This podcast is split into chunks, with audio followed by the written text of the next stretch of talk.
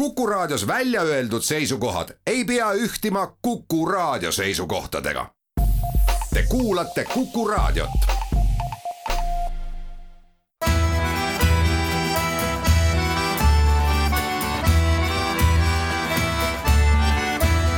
Kirillitsas Eesti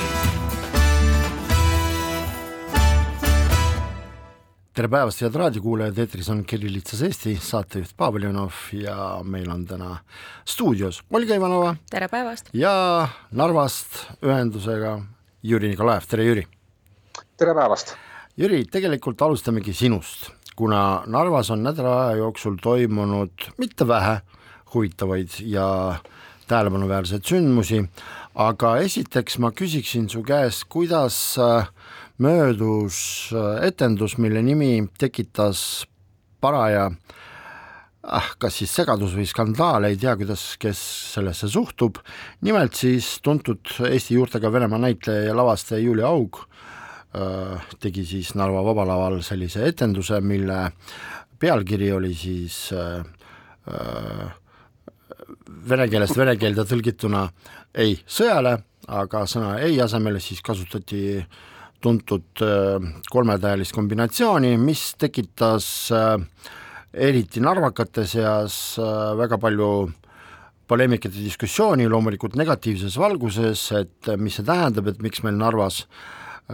etendatakse selliseid vene roppussõnadega ka vürtsitatud näidendeid ja miks selle eelreklaamid ripuvad linnas, et lapsed näevad ja noh, kõik samas stiilis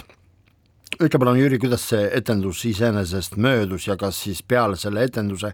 esilinastust on need äh, lingvistilised äh, kired vaibunud? no kõigepealt ma ütlen, et nagu ütlevad ühed minu vene sõbrad selle kohta, et küll teil eestlastel on hea olla, et te võite selle sõna rahulikult isegi eetris välja öelda ja teile nagu sellest midagi ei tehta, aga meie, venelased, ei tohi seda sõna avalikult kasutada avalikus ruumis. aga äh, noh, etendus möödus rahulikult, rahulikult selles mõttes, et kuigi siin et selle eh, etenduse vastased, keda siis ärritas see sõna seal plakatil või see, no tegelikult plakatil oli see X ja, ja kaks tärni, aga kõik aimasid, mis sõna see on, et keda see ärritas. et nad lubasid ju ka kohale tulla ja mingi piketi korraldada ja isegi politsei siis väidetavalt ütles, et nemad teevad mingi julgestuse. midagi ei olnud, nagu Narvas ikka, jäi kogu see suur eh, sõnade kära sinna kusagile Facebooki ja ütleme, avalikku ruumi nagu see eh, sõnelus ei, ei vallandunudki. no kuid noh, tegemist on ikkagi samas ilmse konfliktiga, sellepärast et vaadake Narvas,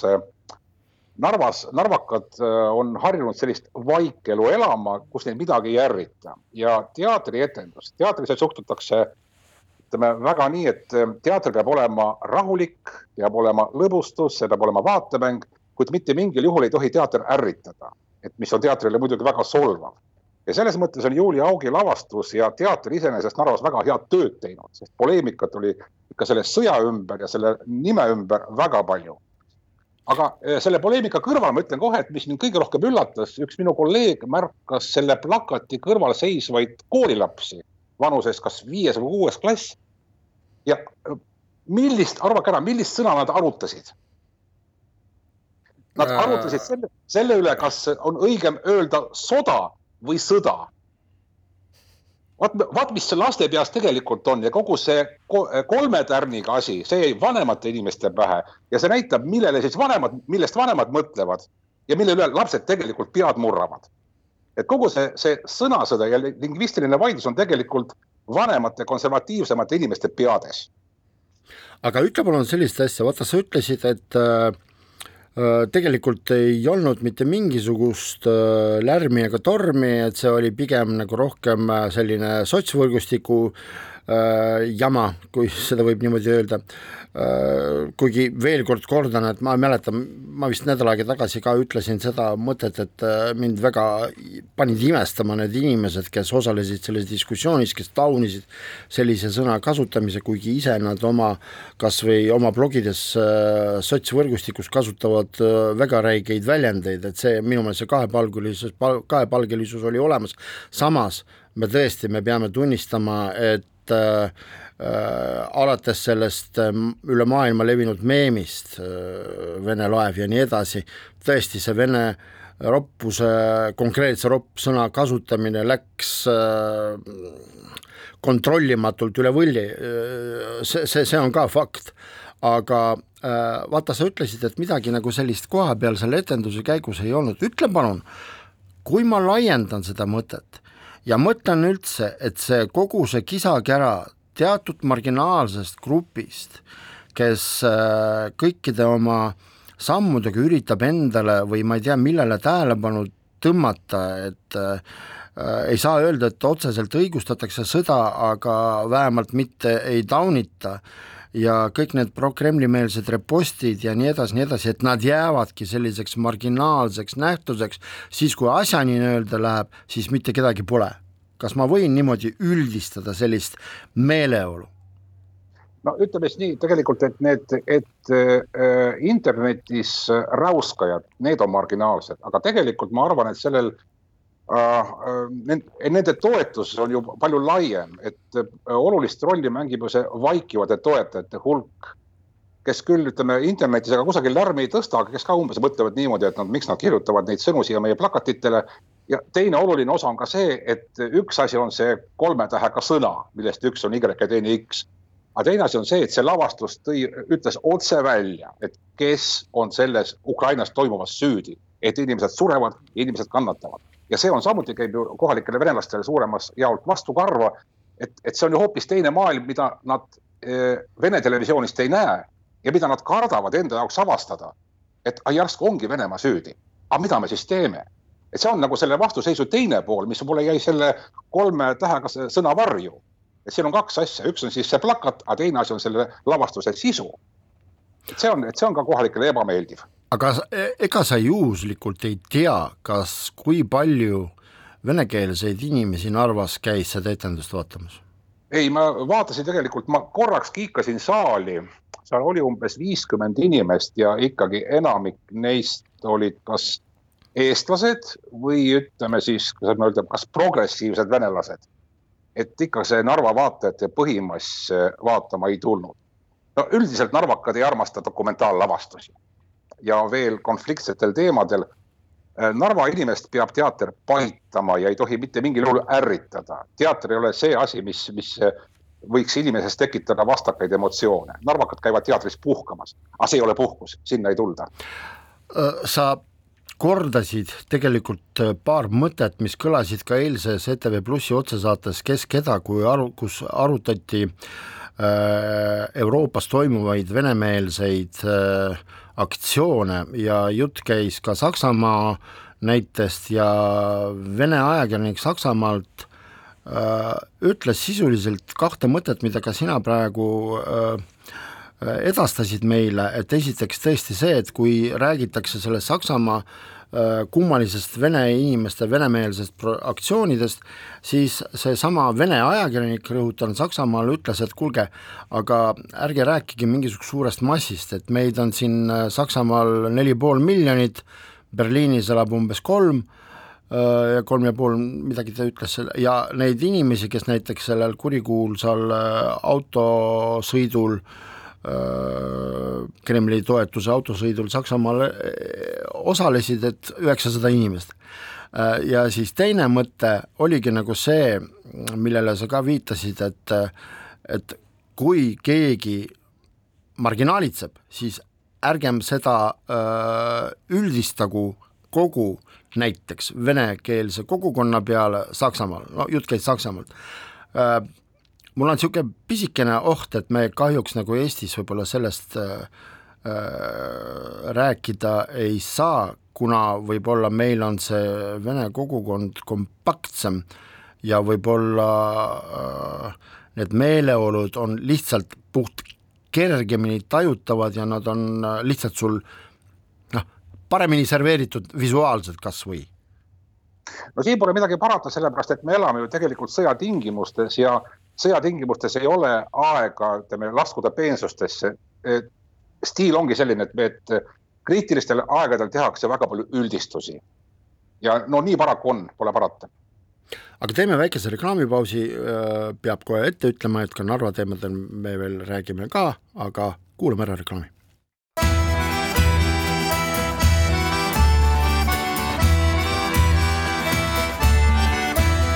Kirillitsas Eesti. jätkame saadet. Narvas Juri Nikolaev, stuudios Olga Ivanova ja saatejuht Pavel Ivanov. Äh, eile siis me saime teada politsei otsusest, mis äh, räägib meile sellest, et alates kahekümne kuuendast aprillist äh, kahe nädala jooksul politsei hakkab, kui niimoodi kokku võtta, sekkuma kõikidesse nendesse ilmingutesse, mis eksponeerivad agressiooni toetussümboleid ja ma peaks mainima, et kui vaadata venekeelset meediat siin Eestis, siis ega suuremat mingisugust lisa Elmar Vaheri poolt välja öeldud ja kommenteeritud asjadele midagi erilist ei olnud, võib-olla välja arvatud veel ka läbi Maria Jufereva-Skuratovski sõnu ka veel siseminister Kristjan Jaani kommentaar, selgitav kommentaar. Ja ma just nagu tegelikult panin tähele, et äh, nii Ida-Virumaa venekeelsetes väljaannetes, nii ka Eesti põhi äh, voolumeedias olid välja toodud eraldi sellised noh, alad nagu mingi, mingi tabel, just nagu see, mis äh, on nagu Kristjan Jaani poolt selgitus, et äh, mida ei sobi teha, et minu meelest see on selles mõttes nagu väga õige, et selle asemel, et hakata noh, nagu heas mõttes loopima loosungeid, et kui sa tuled, siis et lihtsalt selgitati ära, et see on in, see ei ole in, see on okei okay,, see ei ole okei okay., see on täiesti mõistlik ka ütleme niimoodi, teatud mõttes ka kainestav, raustav äh, kommunikatsioon äh,, aga Olga äh,, sa oled, see ei ole mingi saladus ja siin ei ole mitte midagi uut, et sa oled seal käinud mitu aastat järjest, ütle palun sinu hinnang,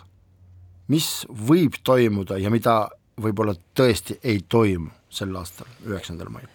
ma ei tea, see aasta on eriline ja kindlasti see ei ole võimalik võrrelda nende aastatega, kui mina olen seal käinud ja inimestega, inimesi vaadanud, vaadeldanud ja suhelnud, nii et äh, ma olen täiesti nõus sellega, et tõepoolest, äh, et vältida sellist provokatsiooni ühiskonnas, et äh, see on õige otsus, nii peabki olema, et inimesel, kes läheb kalmistule, kindlasti ei peaks olema midagi, mingisuguseid, ma ei tea, lippe ega, ega linte kaasas selleks, et nagu väljendada oma mingisugust äh, kaastunnet ega, ega muid äh, tundeid, nii et selles mõttes, et äh, kindlasti ei ole võimalik demokraatlikus ühiskonnas äh, keelata ähm, üleüldse nagu seal ärekäimist või noh, seal käimist, et äh, selle sama juures käimist. kusjuures no, see ei ole ka täna vastu võetud seaduseelnõu puhul ka keelatud. jah, just, aga noh, kui vaadata näiteks seda, mis äh, juhtus just eile vist oli uudis selle kohta, et kalmistu peal äh, seoti lindid äh, ja see oli üleeilne uudis. jah ja., et, et see nagu on, äh, ongi arusaadav, et on vaja siis keelata, et inimestel ei tuleks igasuguseid äh, imelikke nagu mõtteid pähe, et, et läheks kalmistule ja siis nagu äh, hakkakski mingisuguseid lippe või siis linte seal äh, jätpaiga haua peale, nii et äh, kindlasti see on provokatsioon ja seda tulebki vältida, et selleks, et säilitada rahu. Ma lugesin eile venekeelses Delfis eh, hea kolleeg Artur Aukoni niisugust pisikest repliiki arvamust, et mis puudutab neid sümboleid, et ta esitas sellise retoorilise küsimuse, kui Georgi lint, mis on oranž ja must mm, -hmm. oranž värv, vahetada välja kas kollasele või punasele värvile, et kas formaalselt miskit muutub ja siis tema ise vastas iseenda küsimusele, et formaalselt miskit ei muutu, sellepärast et see sisu, äh, see jääb, Jüri, kas sa, äh, mis sa arvad sellest võimalikust sellisest no matkimisest? teate, ma vaatasin või ma tegin siin vist eelmisel nädalal telele lugu äh, sümbolitest, sellest Georgi lindist, mida ja, Narvas ja. kasutatakse ja seal ma kasutasin üheksateistkümnenda aasta kaadreid üheksanda mai tähistamisest ja mis mind kõige rohkem üllatas, oli see, kui palju inimesed kasutavad erinevaid sümboleid, igasuguseid lippe, sõjaväeosade lippe, ütleme sõjaväeliikide lippe, mingisuguseid märke, ordeneid, ordenite seal ütleme siis matkimist, sõjaväemundri osasid. kuidas politsei sellest nüüd aru saab, et mis nagu on siis see keelatud, mis on õhutav ja mis ei ole õhutav? ütleme, kui laps tuleb näiteks äh, mänguautomaadiga, kas see on siis, ma ei tea, midagi õhutav, vaene politsei, ma pean ütlema, et kui inimesed kõik selle nüüd välja toovad ka seekord, et Covidit ju enam ei ole, et mis sellest äh, sümbolite virvarrist lõppude lõpuks saab. see on, see on päris huvitav väljakutse, see on nagu ühelt poolt see sümbolite asi. aga mis mind nagu noh, mitte just muretsema ei pane, vaid see, et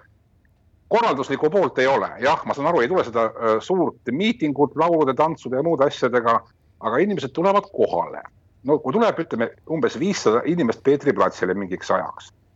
aga kes seda rahva hulka siis korraldab, kes seda suunab? Kas politsei või, ja kui, ja kui keegi nagu inimestega ei tegele, mida nad siis ette võtavad? see on ka huvitav küsimus, et kas isepäi nii suur rahva hulk tuleb enda korraldamisega toime siin on küsimusi ikka väga palju tegelikult. aga mul olekski küsimus, aga mida li Narva linnavalitsus sellest arvab ja kuidas selleks ette valmistub? no paraku või, või õnneks või ma ei tea, kuidas seda öelda, aga linnavalitsus pole üheksanda mai korraldamisega kunagi tegelenud. Sellega on tegelenud mittetulundusühingud. Ja seda on... küll, aga noh, korrakaitse mõttes, et kas on äh, politseiga arutatud seda teemat, no tavaliselt ikka ette valmistatakse, et kui on ei, ette aimata, et mingi hulk inimesi nagu tuleb niikuinii tänavale. Ei no muidugi linnavalitsus ja politsei seda asja arutavad sul viimane, no viimast kuud kindlasti ja nad tulevad välja mingite sõnumitega, ma arvan, et just tuleval nädalal, et varem ei ole nagu mõtet. et, et kõik seda noh, hakatakse inimestele rääkima, aga see noh, mida mina praegu rääkisin, see on selline esialgne emotsioon, et, et, et mis nagu, et mis nagu üldse saama hakkab. et selles mõttes on nüüd teada, et näiteks äh, Kultaev loobus Sillamäel korraldamisest, äh, siis äh, Tallinnas üks kahest organisaatoritest loobus, kusjuures pole veel avaldust välja võtnud politseist, mis ei anna luba korraldada teistel, mis on omamoodi paradoksaalne situatsioon, kusjuures need teised, eks ole, nii-öelda Tšaulini äh, grupp, nemad ikka väga-väga-väga tahavad seda kõike teha, isegi äh, sõltumata sellest, et Tallinna näiteks veteranid on öeldud, et pole vaja kedagi ärritada, et jah, tulge, pange lilled ja sellest piisab, aga tegelikult see on Jüril väga huvitav küsimus, kusjuures ma olen selle nädala jooksul kuulnud ka nendest öö, no vene inimestelt, ütleme niimoodi, mitte kes ei õigusta sõda, vaid kes, kellel on lihtsalt tekkinud nagu elus küsimusi, et näiteks keegi on ju andnud luba kas või nendesamade Vene saatkonna ees olevatele aktsioonide korraldamiseks et äh, ehk siis tõesti väga palju sõltub mitte ainult politseist, vaid nagu omavalitsustest, kes äh, tegelikult ju ka kooskõlastavad midagi, kas või seesama, see Julia Augi äh, etendus, millest me rääkisime alguses, seal ju tekkis ka nagu inimestel nagu küsimus, et nende plakatite osas, kes, kellele see ei meeldinud, et kas siis äh, linnavalitsus lubas või mitte, aga Katri Raik äh, vähemalt üritas selgitada, et äh, see ei ole nagu, autorlus ei ole kompet-, linnavalitsuse kompetentsis, nagu öeldakse, mis on ka õige täiesti. ja süüdistada Katri Raiki, see on noh, see on, see on ilmselgelt liiast, aga no tegelikult Jüri, ma arvan, et tõstetas ka küsimuse, mille peale võib-olla ei oska vastust anda ka politsei, aga tõesti, kes siis juhib neid rahvamasse, juhul kui? nojah, et kui juhtub nii, et seal on mingi provokaator sees, rahva sees, siis ongi nagu jama käes. sest vaadake, ma, ma olen seda näinud pronksi ööl Narvas, et kogunes, koguneti siis linna serva, küsimus, mida teeme, läheme Peetri platsile, marsiti kolonnist Peetri platsile, jõuti kohale, aga mida me edasi teeme? aga läheme Eesti kooli rüüstama ja mindigi, et kui ütleme, sellist juhtimist äh, formaalselt ei ole, siis võib rahvamass otsustada mida iganes mm,. jah siinkohal ei oskagi nagu mi-, mi-, midagi tõesti äh, öelda, veel kord rõhutame, et aga no ma loodan, et ikka politseid kas või siis äh, tulevad välja patrulle ja rohkem rahva, politseinikke tänavatele lihtsalt jah, ja see rahustab öelnud. inimesi, et nad ei hakka vaata, ta rahustab äh, kuidas nüüd öelda, jaa, kindlasti ta ühest küljest ta rahustab, teisest küljest ta tekitab ka vastureaktsiooni äh,, et need, kes väga-väga-väga tahavad, kusjuures sõltumata, mis poole pealt, need kindlasti midagi ka võtavad ette, see on ka nagu selge. Äh, ja kusjuures, kui tulla veel kord tagasi selle eilse Kes keda ETV Plussi saate juurde, kus arutati neid venemeelseid aktsioone Euroopas, siis ju seal ka nagu kõlas see väga huvitav mõte, et näiteks vene kogukond Saksamaal ja üldse ühiskond Saksamaal üheksandaks maiks, kusjuures Vene ajakirjanik Saksamaalt rõhutas, et neil on ikkagi kaheksas mai et ta on selleks hetkeks juba väsinud, sellepärast et kõige suuremad mingisugused rahutused toimuvad esimene mai esimesel mail, sellepärast et nii, kuidas vähemalt see ajakirjanik selgitas, et siis tulevad välja radikaalsemad inimesed, rüüstavad seal oma kandis ja paari päeva pärast, kaheksandaks, üheksandaks maiks nad on lihtsalt füüsiliselt väsinud. Äh, ma kardan, et meil sellist nagu väsimust vähemalt äh, ei ole, et lihtsalt kuidagimoodi välja tulla, ma ei räägi mingisuguste vandaalitsemisest ja rüüstamisest, aga Jüri, kuidas Narvas reageeriti äh, Äh, sellele palju küsimusi tekitavale juhtumile, mis toimus meil siin äh, pronkssõduriga, kus tal saeti Balgalkaga orden maha? Ei no mul on raske hinnata nii silma järgi, et kas nüüd Narva linnapildis või inimeste meelsuses on midagi muutunud. ma millegipärast arvan, et see oli selline tavapärane asi, et tavaliselt ikka enne olulisi, olulisi tähte midagi nagu, nagu natuke juhtub et kas nüüd see tekitab mingit suuremat siin segadust Narvas, no vaevalt. Aga noh, kindlasti öeldi, et noh, et mida siis ikka arvata võis ikka noh, et need fašistid tegid seal midagi meie pronkssõduriga. kusjuures mul on, mul on mitu küsimust seoses sellega, et kas ikkagi olid need fašistid, kes niimoodi käitusid, sellepärast et noh, on paar ajakirjanduslikku tähelepanekut, et kuskohast see info välja tuli ja kes oli see informeerija ja kes oli intervjueerija ja kes oli intervjueeritav. Ma ei hakka spekuleerima, lihtsalt ma ütlen, et neid provokatsioone võib tulla väga ootamatutelt äh, allikatelt, ootamatutest allikatest ja ootamatul, ootamatul moel. siinkohal teeme väikese reklaamipausi, pärast jätkame saadet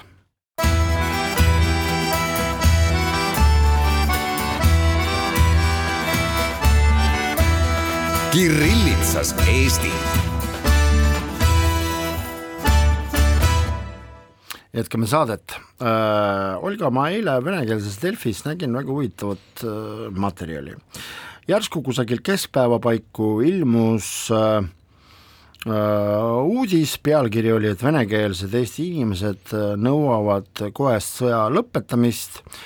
ja preambulas oli kirjutatud, et muuhulgas ka sellepärast, et ei tekiks seda väärt kollektiivse vastutuse tunnet. Mõtlesin, et huvitav, loen, tegin lahti, jah, tõesti mingi petitsioon, petitsioon, kus siis on kirjutatud, et äh, meie, venekeelsed Eesti elanikud, nõuame kohest sõja lõpetamist. Ja siis noh, mitte eriti pikk tekst. mitte ühtegi nime ei ole, kes on selle taga, kes on autor? Mis organisatsioon on selle petitsiooni esitanud, läksin portaalile petitsioon.ee, sealt ma ei leidnud mitte midagi, siis alles mingi paari tunni pärast, siis kui ma küsisin venekeelse Delfi arvamustoimetus, äh, toimetajate käest, et kuulge, et lihtsalt oleks huvitav, aga kelle äh, initsiatiiv see on, et see noh, initsiatiiv iseenesest on õige ja normaalne, et äh, keegi äh, venekeelsetest inimestest äh, tegi sellise petitsiooni valmis, aga ma ei leidnud mitte mingisugust infot, et kes see on. Ja siis äh, paari tunni pärast, nii kuidas ma ütlesin, et tekkis üks versioon kellegi peas, et see võib olla näiteks Eesti kakssadaga, kahesajaga seotud üks inimene Ida-Virumaalt, siis tekkis äh, sinna allkiri, et äh, autoriks on üks Tallinna Ülikooli inimene venekeelse nimega äh,, Mihkel Mihhail, Mihhail Tamm, vaatasin, et tõesti jah, selline inimene Tallinna Ülikoolis toimub ja siis see petitsioon nagu kuhugi üldse nagu kadus ära õhtuks, täna seda esilehel vähemalt ei ole. et tead, mul tekkis niisugune äh, tunne, et äh, vot sellise, sellisel moel selliste petitsioonide esitamine äh, tekitab pigem ütleme, vähemalt rohkem küsimusi, kui et äh, keegi läheks sellega kaasa noh, iseenesest, et inimestel tekib nagu mõte, et äh, kaasata oma arvamuse alla siis nagu kellegi allkirju ja inimesi, ehk siis äh, jagada oma mõtteid ja ehk siis leida toetajaid, on väga tore. ühiskondlik algatus, aga iseenesest, kui me räägime ikkagi väga tõsisest teemast ähm, äh, ja, ja sellisest avalikust üleskutsest, siis kindlasti ma arvan, igaüks inimene, kes kirjutaks alla sellisele tekstile, sooviks jah, esiteks teada, kes on see autor, teiseks, äh, mis on tema motiiv ja kolmandaks, noh, ikka nagu et mis sellest petitsioonist edasi saab, kui ta, kui Just. inimene näiteks paneb oma allkirja? ja kindlasti see, et, et äh, miks ei ole ühtegi tuntud arvamusliitrit näiteks on juba seda alla kirjutanud, noh, midagi taolist, nagu ikka inimestele see loeb.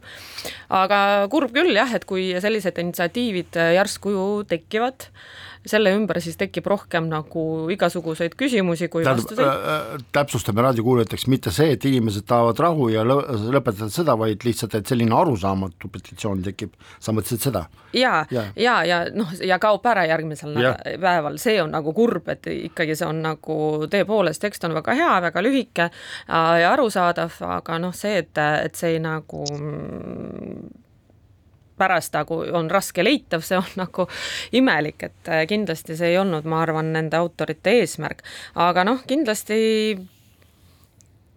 tahaks teada, kes on see inimene ja võib-olla siis nagu selle mm, arutelu pinnal siis ta nagu ilmubki ja võib-olla me saame rohkem teada, kes see inimene on, aga noh, iseenesest oleks noh, imelik, kui noh, näiteks seda ei levi ju kusagil sotsiaalmeedias, ma ei ole seda näinud, tavaliselt selliseid petitsioone on kindlasti äh, forward atakse ja igale poole postitatakse kas Facebookis või äh, Instagramis ja nii edasi, nii edasi, noh. sellepärast, et see võib mõjuda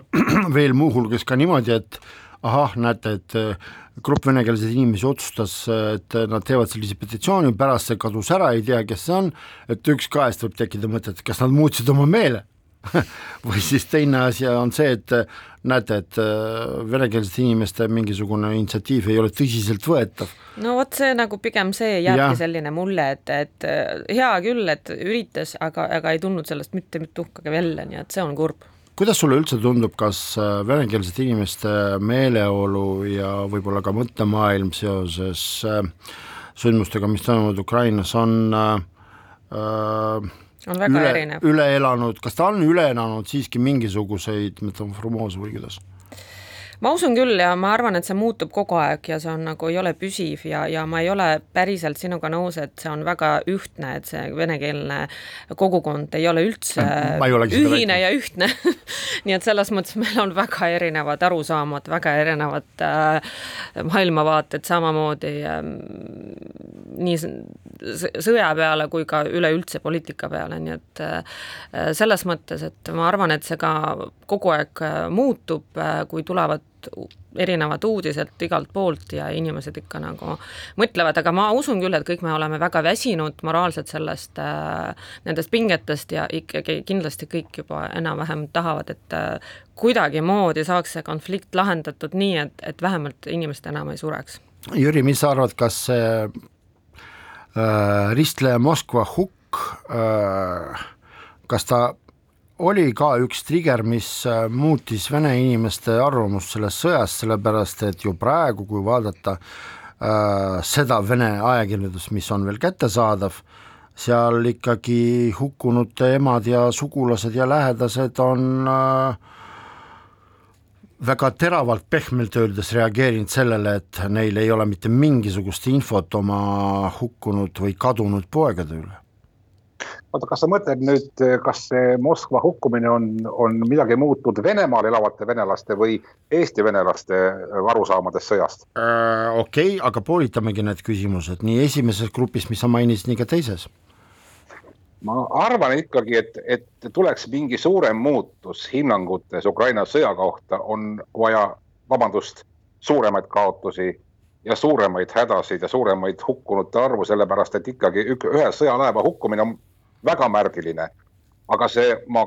kaldun arvama, et sõja toetajate seas see tekitab pigem viha ja suuremat äh, sellist soovi kätte maksta, kui sõda, sõda lõpetada. ja teisalt ka, kes seda siis ütleme siis alternatiivmeediat Venemaal üldse loebki, ka meil siin kohapeal, no mina loen, see on osa minu tööst. aga kes uurib Medusat või Novaja Gazetat, mis taas Saksamaal või siin kusagil Euroopas ilmuma hakkas, ma arvan, et see, see, see inimeste hulk on ikkagi väike aga noh, iseenesest ma olen sellega nõus osaliselt, aga samas äh, ma arvan, et kogu äh, kogu seda protsessi äh, ka Venemaa president algatas just siis, kui tal oli kindel arusaam sellest et, et kaheksakümmend protsenti inimestest Venemaal toetavadki seda. ja viimased numbrid, mis näitavad tema reitingud, ütlevadki seda, et tema reiting on meeletult kasvanud. ja nüüd on küs-, küsimus pigem selles, et mis siis edasi saab, kas ainult DNR ja LNR või äh, kuidas ta seda serveerib oma riigile, kuidas oma rahvale, et mida ta ütleb no., et kas sellest on piisav, kas ta nagu lõpetab siis, kui ta äh, midagi saavutab just nendes äh,, nendes piirkondades või ta ei suuda enam äh, kuidagimoodi seda ära seletada oma rahvale ja siis ta nagu ei jäägi midagi üle, et ta hakkab edasi sõdima. Ma arvan, et väga palju küsimusi tekib vähemalt Venemaa siseselt äh, seoses tänase otsusega, äh, mille kohaselt siis Putin väidetavalt andis Šoigule, kaitseministrile käsu lõpetada Mariupoli ja Azovstali ründamine, et veel paar päeva tagasi jutud käisid hoopis teistmoodi, et äh, maa pealt pühime maha ja eh, mitte mingisugust eh, juttu, et äh, mul on niisugune tunne, et võib-olla ka see Kremli infotöö on jooksnud teatud tupikusse ja ummikusse, kus ei osatagi enam võib-olla võtta mingisuguseid adekvaatseid otsuseid just nagu selle kommunikatsiooni osas, kuigi ma ei imesta, et ma väga-väga tõsiselt eksin. nojah, ongi siin väga keeruline enam üleüldse midagi prognoosida, et äh, ühed ütlevad seda, et umbes, et tõepoolest, et äh, vene rahvast ongi niimoodi üles kütitud praegu, köetud, et et nad nõuavadki mingisuguseid äh, surmasid ja, ja äh, Ukraina nagu maakaardi pealt äh, pühkimist, nii et et on väga keeruline, sest meil üleüldse nagu aru saama, et mis see nagu riigi juhtkond ette võtab ja mis on nende peades toimub. teeme väikese reklaamipausi ja siis jätkame.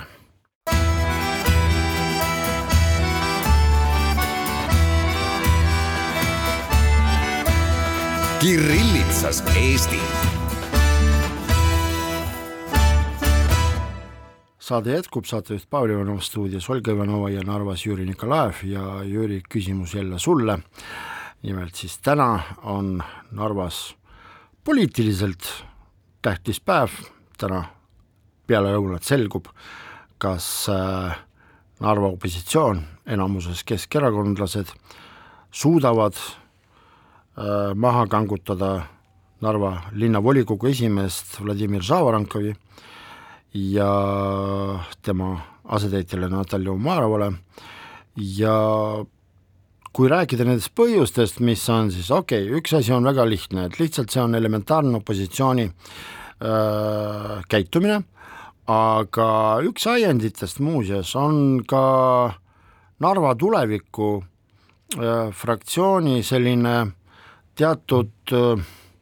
mitte üksmeelne käitumine tegelikult, et äh, Narva tulevik on ju ka see, kes siis praegu on koalitsioonifraktsioon ja ma olen viimase kahe kuu jooksul näinud ka ajakirjanduses, kohalikus Narva ajakirjanduses selliseid pisikesi signaale sellest, et äh, ei olda kuidagimoodi rahul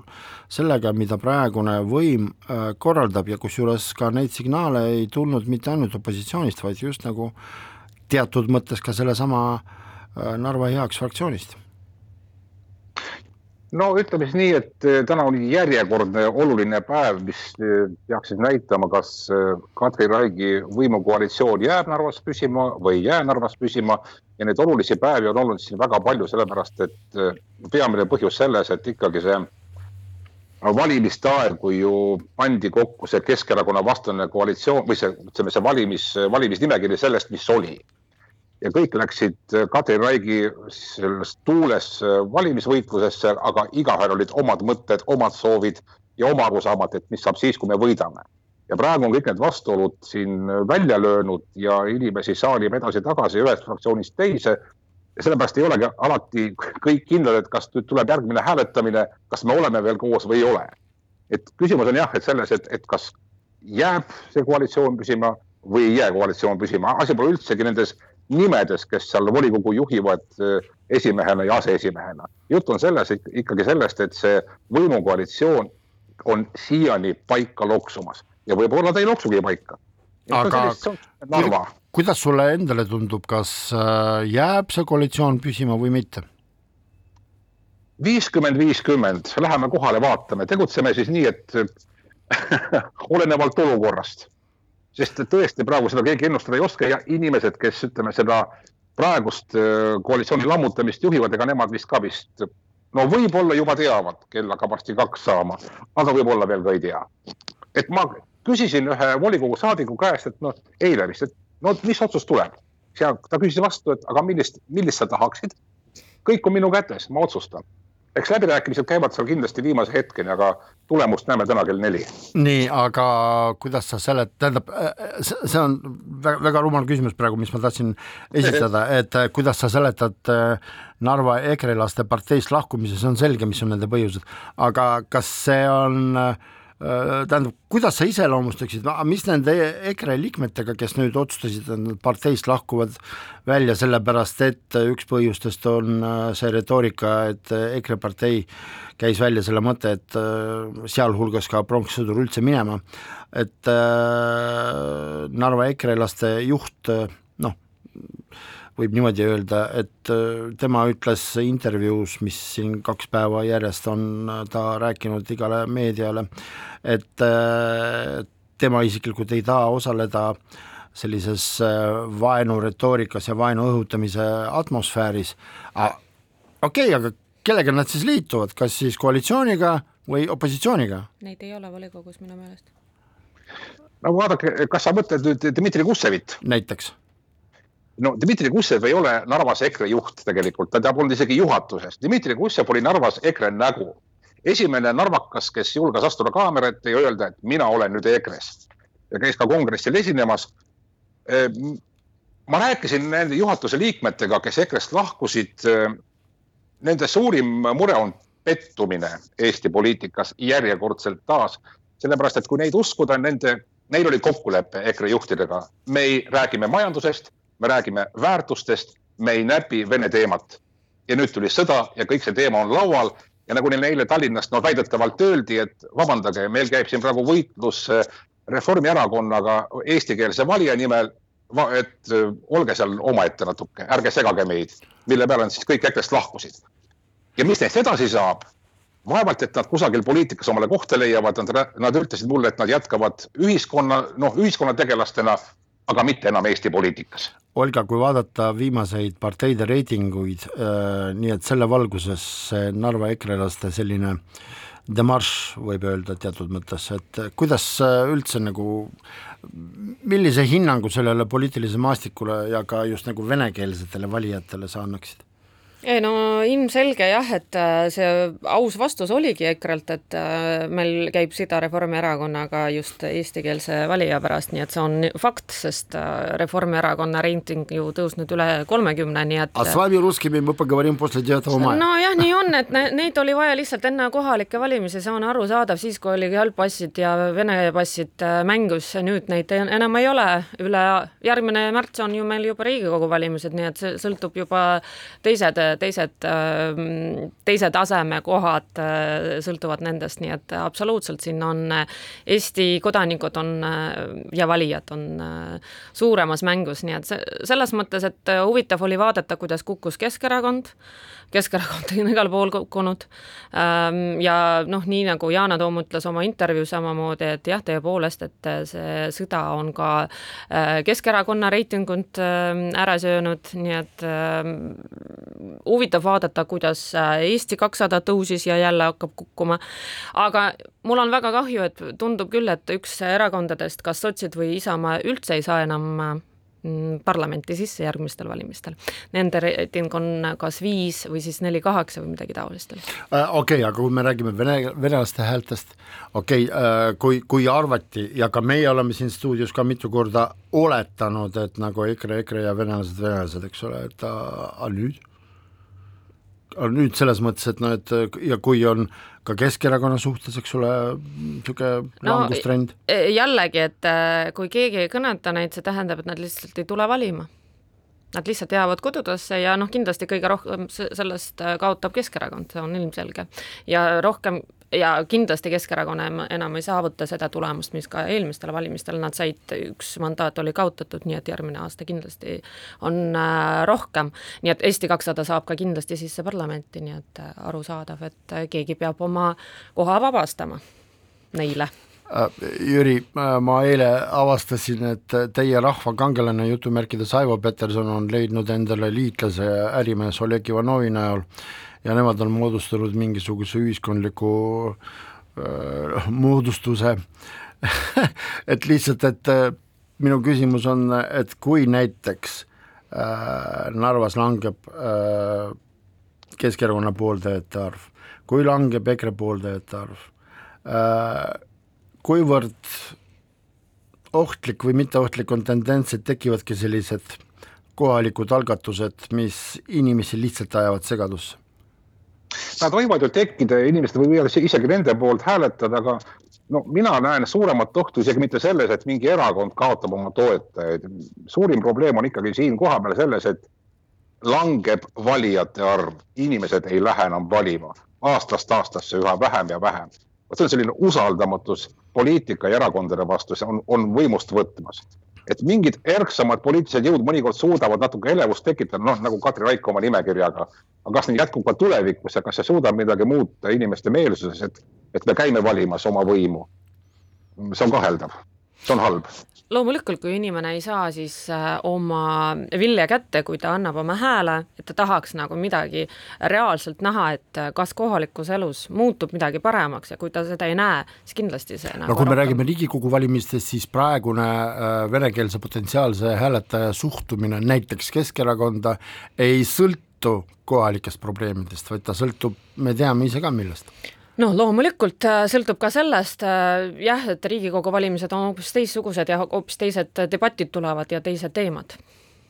aga meie tänane saade on lõpule jõudnud, ma tuletan meelde, et Narvast oli meiega täna koos Jüri Nikolaev, suur tänu sulle, Jüri, ja stuudios oli koos minuga Olga Ivanova, aitäh, sulle, Olga, saatejuht oli Pavel Ivanov, aitäh kuulamast ja kohtume nädala pärast taas